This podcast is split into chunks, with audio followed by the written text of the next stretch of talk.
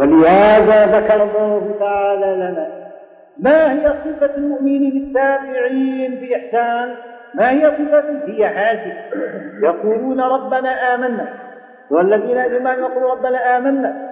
فاغفر لنا والذين جاءوا بعدهم يقولون ربنا اغفر لنا ولإخواننا الذين سبقونا بالإيمان. ولا تجعل في قلوبنا غلا للذين آمنوا. وهذا دليل أن وجود الغل في قلب المؤمن خطر كبير عليه. ولولا أن الغل في وجود المسلم خطر كبير وهذا شيء لا يحبه الله ما قال لنا وعلمنا هذا الدعاء. فمعناه أن هذا الدعاء دعاء بأمر مهم مهم جدا يا إنسان. وأن الظل والحقد هذا خطر كبير على الإيمان وبعد عن رب العالمين جل وعلا. وهكذا أثنى رسول الله على المؤمنين الذين يأتون من بعده إلى يوم الدين. جاء في صحيح مسلم وغيره كما في الموطأ أيضا. عن أبي هريرة رضي الله عنه قال أتى رسول الله صلى الله عليه وسلم المقبرة أي بقيع الغرقد بقيع الغرقد فقال السلام عليكم دار قوم مؤمنين وإنا إن شاء الله بكم لاحق. فسلم على أهل البقيع هذا لأن أهل البرزخ يسمعون يا إنسان. أهل البرزخ يعني الأموات في القبور والقبر عالم عالم برزخ يعني. يسمعون السلام والكلام يا إنسان ويرون الزائر يرون الزائر ولولا أنهم يسمعون الكلام ما سلم رسول الله عليه صلى الله عليه وسلم ولا أمرنا. أين نزل أن نسلم عليه يا إنسان؟ لكن نعم هناك كلام ومسموع يا إنسان. والحاصل وهو أهل البردق يسمعون ويعلمون الزائر ويفرحون بمن يزورهم إذا دعا لهم أو قرأ عندهم ويسرون تنزل عليهم البركات. وينزل عليهم الشرور ويتأذون بما يتأذى به الإنسان. فمن داس وطئ فوق قبورهم تأذوا. هذا إيذاء. يتأذون من ذلك. أو فعل أفعال شنيعة قبيحة عند قبورهم يتأذون من ذلك. ولذلك جاء النهي نهى رسول الله أن يدوس الإنسان فوق قبر مسلم يا إنسان. لا يجوز. هذا لا ينبغي. هذا مكروه تحريما يا إنسان. يعني من نوع الحرام. ولذلك قال السلام عليكم دار قوم المؤمنين ثم قال التفت إلى أصحابه قال وددت أني رأيت إخواني. فقال يا رسول الله ألسنا نحن إخوانك؟ قال أنتم أصحابي وإخواني. أي أنتم إخوان أصحاب صاحبتموني صلى الله عليه وسلم. وهو نعمة الصحبة صحبة سيدنا رسول الله. ولا أشرف منها صحبة ولا أعظم ولا أفضل منها صحبة. قال أنتم أصحابي وإخواني ولكن إخواني الذين لم يأتوا بعد أي إخواني الذين هم ما هم أصحاب لكن إخواني المؤمنون الذين سيأتون من بعده صلى الله عليه وسلم ولم يرون رسول الله في عالم الدنيا. هؤلاء سماهم إخوانه. أي المؤمنين. اللهم اجعلنا من إخوانهم. اللهم أدخلنا فيهم يا رب العالمين. ونعمة الأخوة التي آخى بها رسول الله كل مؤمن يأتي بعده إلى يوم الدين. وهذه بشارة لك يا مؤمن.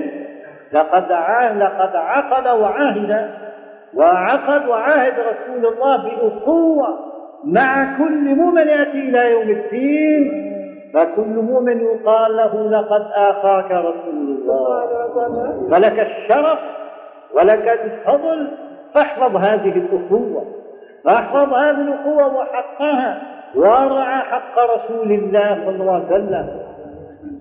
قال ولكن إخواني الذين لم يأتوا بعد أي سيأتون من بعد يؤمنون بي ولم يروا صلى الله عليه وسلم. ترد علي أمتي يوم القيامة. ترد علي الحوض فقالوا يا رسول الله وكيف تعرفهم؟ قال أرأيتم؟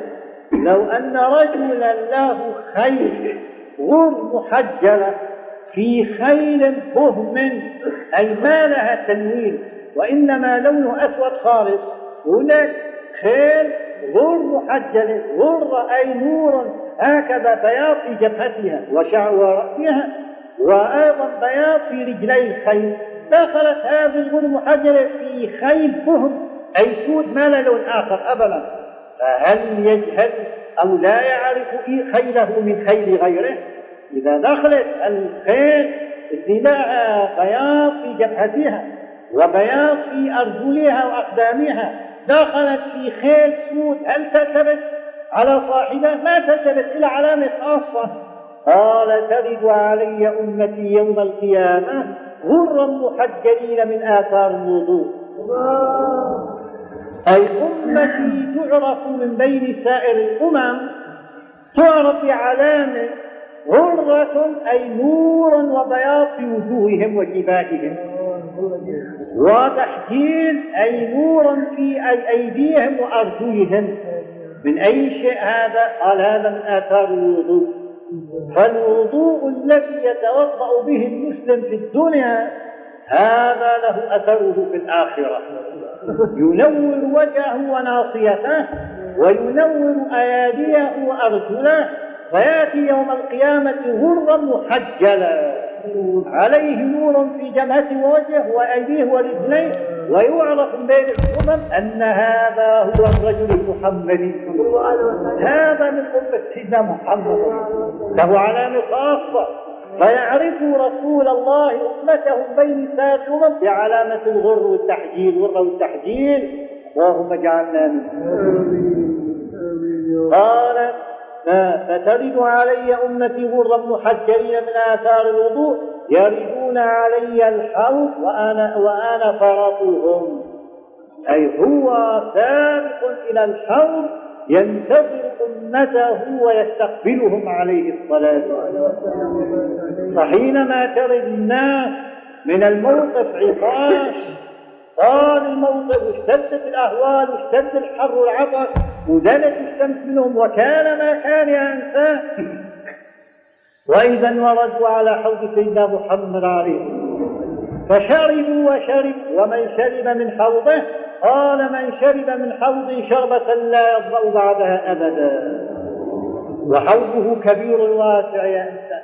حوض سيدنا محمد كبير واسع. كما جاء في الحديث أن آنيته على على نجوم السماء. أواني التي حول الحوض والحوض كبير جدا. فالأواني حوله كثيرة التي يشرب بها. آنيته على عدد نجوم السماء. عد كم نجوم. قال من عدة له في فوق نجوم وفوق النجوم في نجوم وفوق في نجوم وهو وهناك نجوما ونجوم نورا آخر للأرض. ولا عرفت ولا ظهرت ولا ولا يا إنسان أواني الحوض كثيرة. وكل يشرب على حسبه وبإنائه. أماؤه أشد من ال... أشد بياضا من اللبن وأحلى من العسل. وريحه كما ورد أطيب من المسك وأنت تشرب على حسب شربك من شريعة رسول الله. حسب ما تشرب الآن من الشرع المحمدي وتشرب قلبك وعقلك وجسمك وروحك تشرب الشرع المحمدي فسوف تشرب من حوض رسول الله. لما أشربت قلوب المؤمنين وأرواحهم وعقولهم وذرات من هذا الشرع المحمدي وإذا بهم صار عندهم استعداد أن يشربوا من حوضه في الآخرة. اللهم اجعلنا منهم. قال ولدت أني رأيت إخواني فهذا مدح للمؤمنين الذين جاءوا بعد رسول الله صلى الله عليه وسلم وآمنوا به. هذا مدح لهم سماهم إخوانا وود أن لو لقيهم أي في الدنيا. أما أنه نعم يعرفهم يعرف. يعني وددت أني رأيت إخواني أي في الدنيا كما رأى الصحابة يعني. ولكن ليس معنى ذلك أنه ما كشف له عنهم وما يعرفهم. لا يا إنسان. بل جاء في الأحاديث أن الله تعالى أرى رسول الله أمته إلى يوم الدين وعرفهم رسول الله صلى الله عليه وسلم. جاء في الحديث الذي رواه الطبراني وغيره أن النبي صلى الله عليه وسلم قال عرضت لي عرضت لي أمتي إلى يوم القيامة عرضت علي البارحة. أمة عرضت علي أمتي البارحة إلى يوم القيامة. أي أمة يوم الدين. أمام هذه الحجرة أي أمام حجرته الشريفة صلى الله عليه وسلم. قال فأنا أعرف الرجل منهم؟ فأنا فلأنا أعرف بالرجل منهم من أحدهم بصاحبه. فلأنا أعرف بالرجل منهم أي عرضوا عليه رآهم واحدا واحدا؟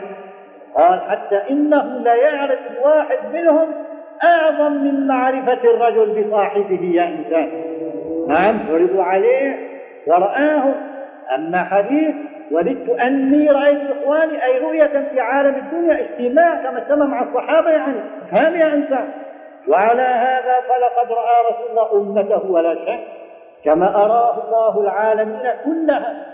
لقد أراه الله العوالم كلها كما جاء في الحديث.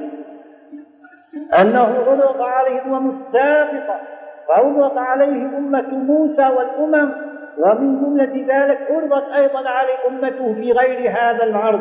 عرض آخر غير هذا العرض الذي هو عند الحجرة. قال فرأيتها قد سدت الآفاق. ثم عظيمة كثيرة سدت الآفاق كلها. فقيل لي هذه أمتك يا رسول الله. وقدامهم سبعون ألفا يدخلون الجنة في غير حساب.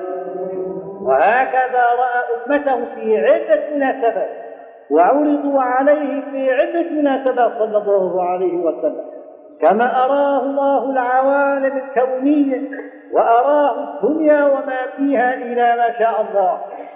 كما جاء في الحديث رواه الطبراني والضياء في المختار. هذا فيه قوة يا إنسان. أن النبي صلى الله عليه وسلم قال إن الله تعالى رفع لي الدنيا فرأيتها ورأيت ما هو كائن فيها إلى يوم القيامة. كل هذا رآه صلى الله عليه وسلم. ويؤيد هذا ما جاء في صحيح مسلم. قال إن الله زوى لي الأرض فرأيت مشارقها ومغاربها. فلقد أرضاه رسوله صلى الله عليه وسلم عوالم وكما أنه رأى الدنيا وما فيها وما مضى وما سيأتي أراه الجنة وأراه النار يا إنسان. ورأى حوضه في الموقف.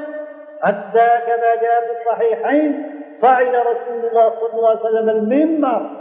فقال إني فرط لكم وأنا شهيد عليكم.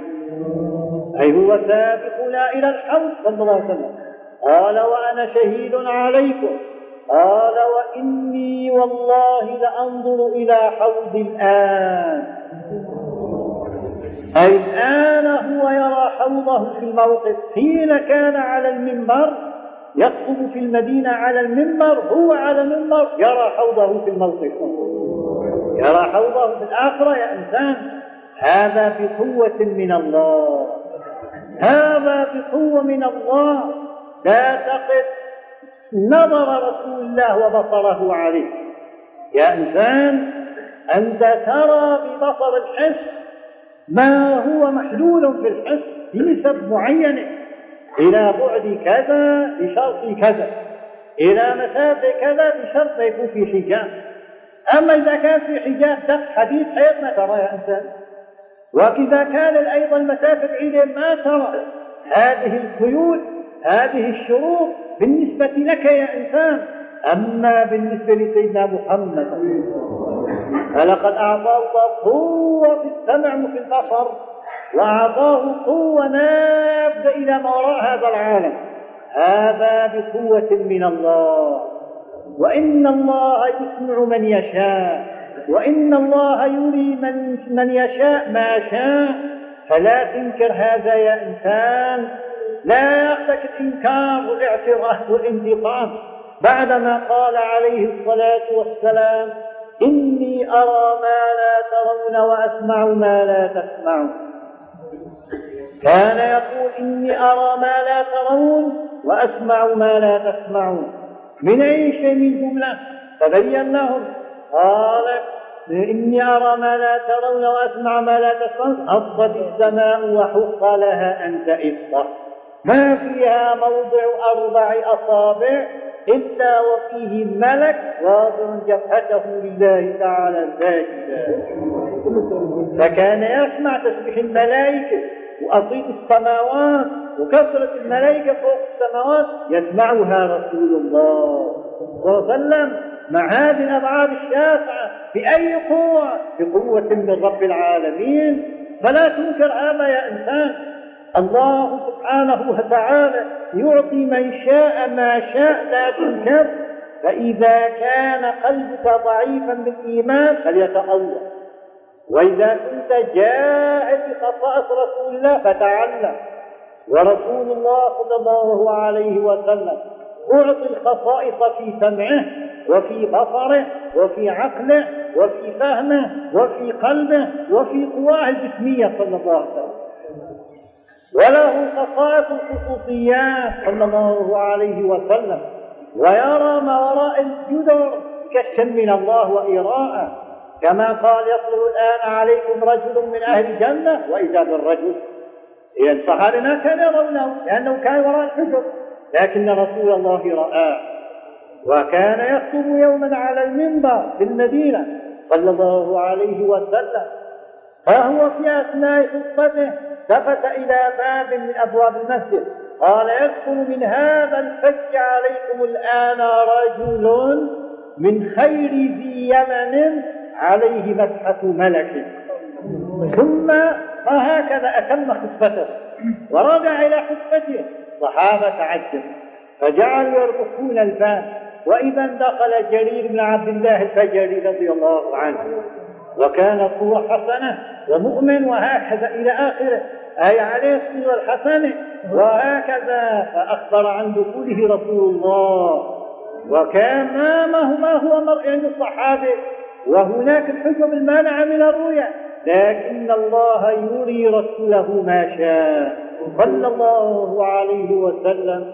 وجزاه الله عنا خير الجزاء ووفقنا لاتباعه وأن نكون من أتباعه وأن يشملنا ويعمنا سبحانه بأنواره وأسراره.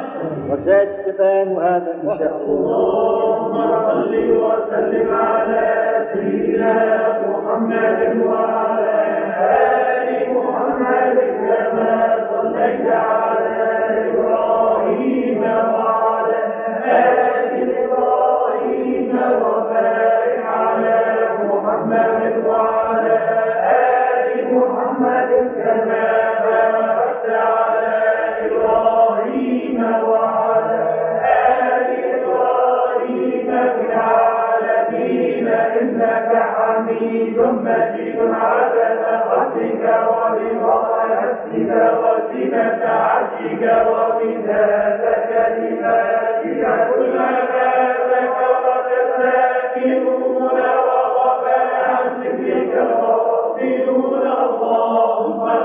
وسلم على سيدنا محمد وعلى آل محمد كما صليت على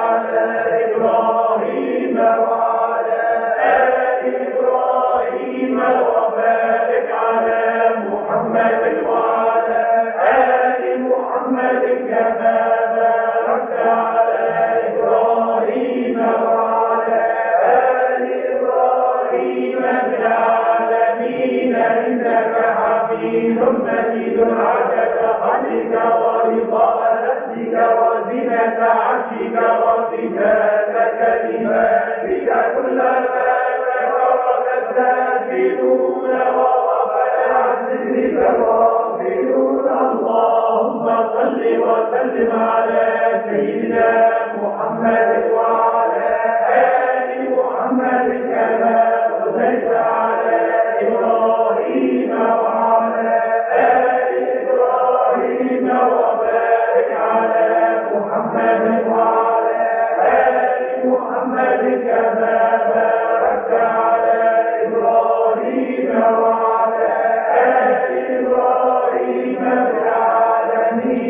إنك حميد مجيد عدد خلقك ورضا نفسك وزنة عرشك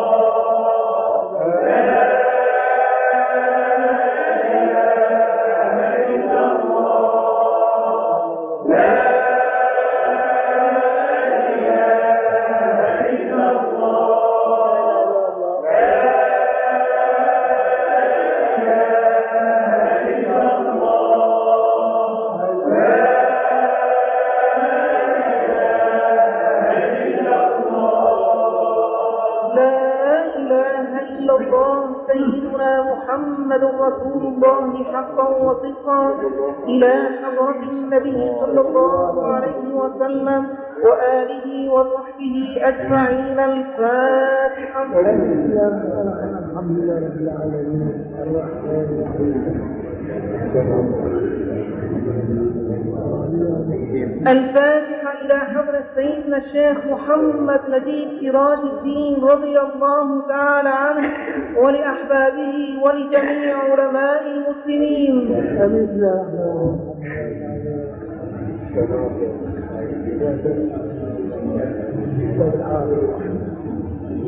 الفاتحة بنية الله من سيدنا الشيخ العافية إليك براح القدر وأن يمده بالمدد المحمد ويديم هذا الهدي في ذريته وأن يجعله من ثم لأتباع النبي صلى الله عليه وسلم.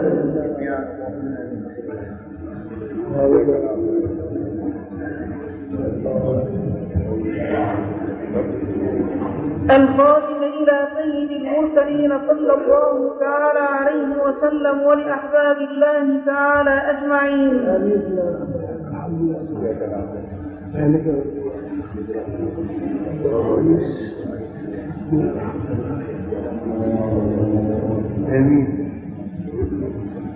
اللهم صل على سيدنا محمد صلاة تنجينا بها بجميع الأهوال والآفات. وتقضي لنا بها جميع الحاجات وتطهرنا بها من جميع السيئات وترفعنا بها أعلى الدرجات وتبلغنا بها أقصى الغايات من جميع الخيرات في الحياة وبعد الممات. وعلى آله وصحبه وسلم تسليما. اللهم أفض علينا من بركات النبي صلى الله عليه وسلم وأسراره وأنواره. اللهم عطف علينا قلبه الشريف صلى الله عليه وسلم. اللهم اجزه عنا ما هو أهله يا رب العالمين. اللهم أسعدنا به في الدنيا وفي الآخرة. اللهم ارض عنا به رضا لا تسقط بعده أبدا. اللهم ارحم أمة سيدنا محمد صلى الله عليه وسلم. اللهم احفظ أمة سيدنا محمد صلى الله عليه وسلم. اللهم فرج عن أمة سيدنا محمد صلى الله عليه وسلم. اللهم استر أمة سيدنا محمد صلى الله عليه وسلم. اللهم اغفر المؤمنين والمؤمنات والمسلمين والمسلمات الأحياء منهم والأموات وصلى الله على سيدنا محمد وعلى آله وصحبه. كل ما للنبي.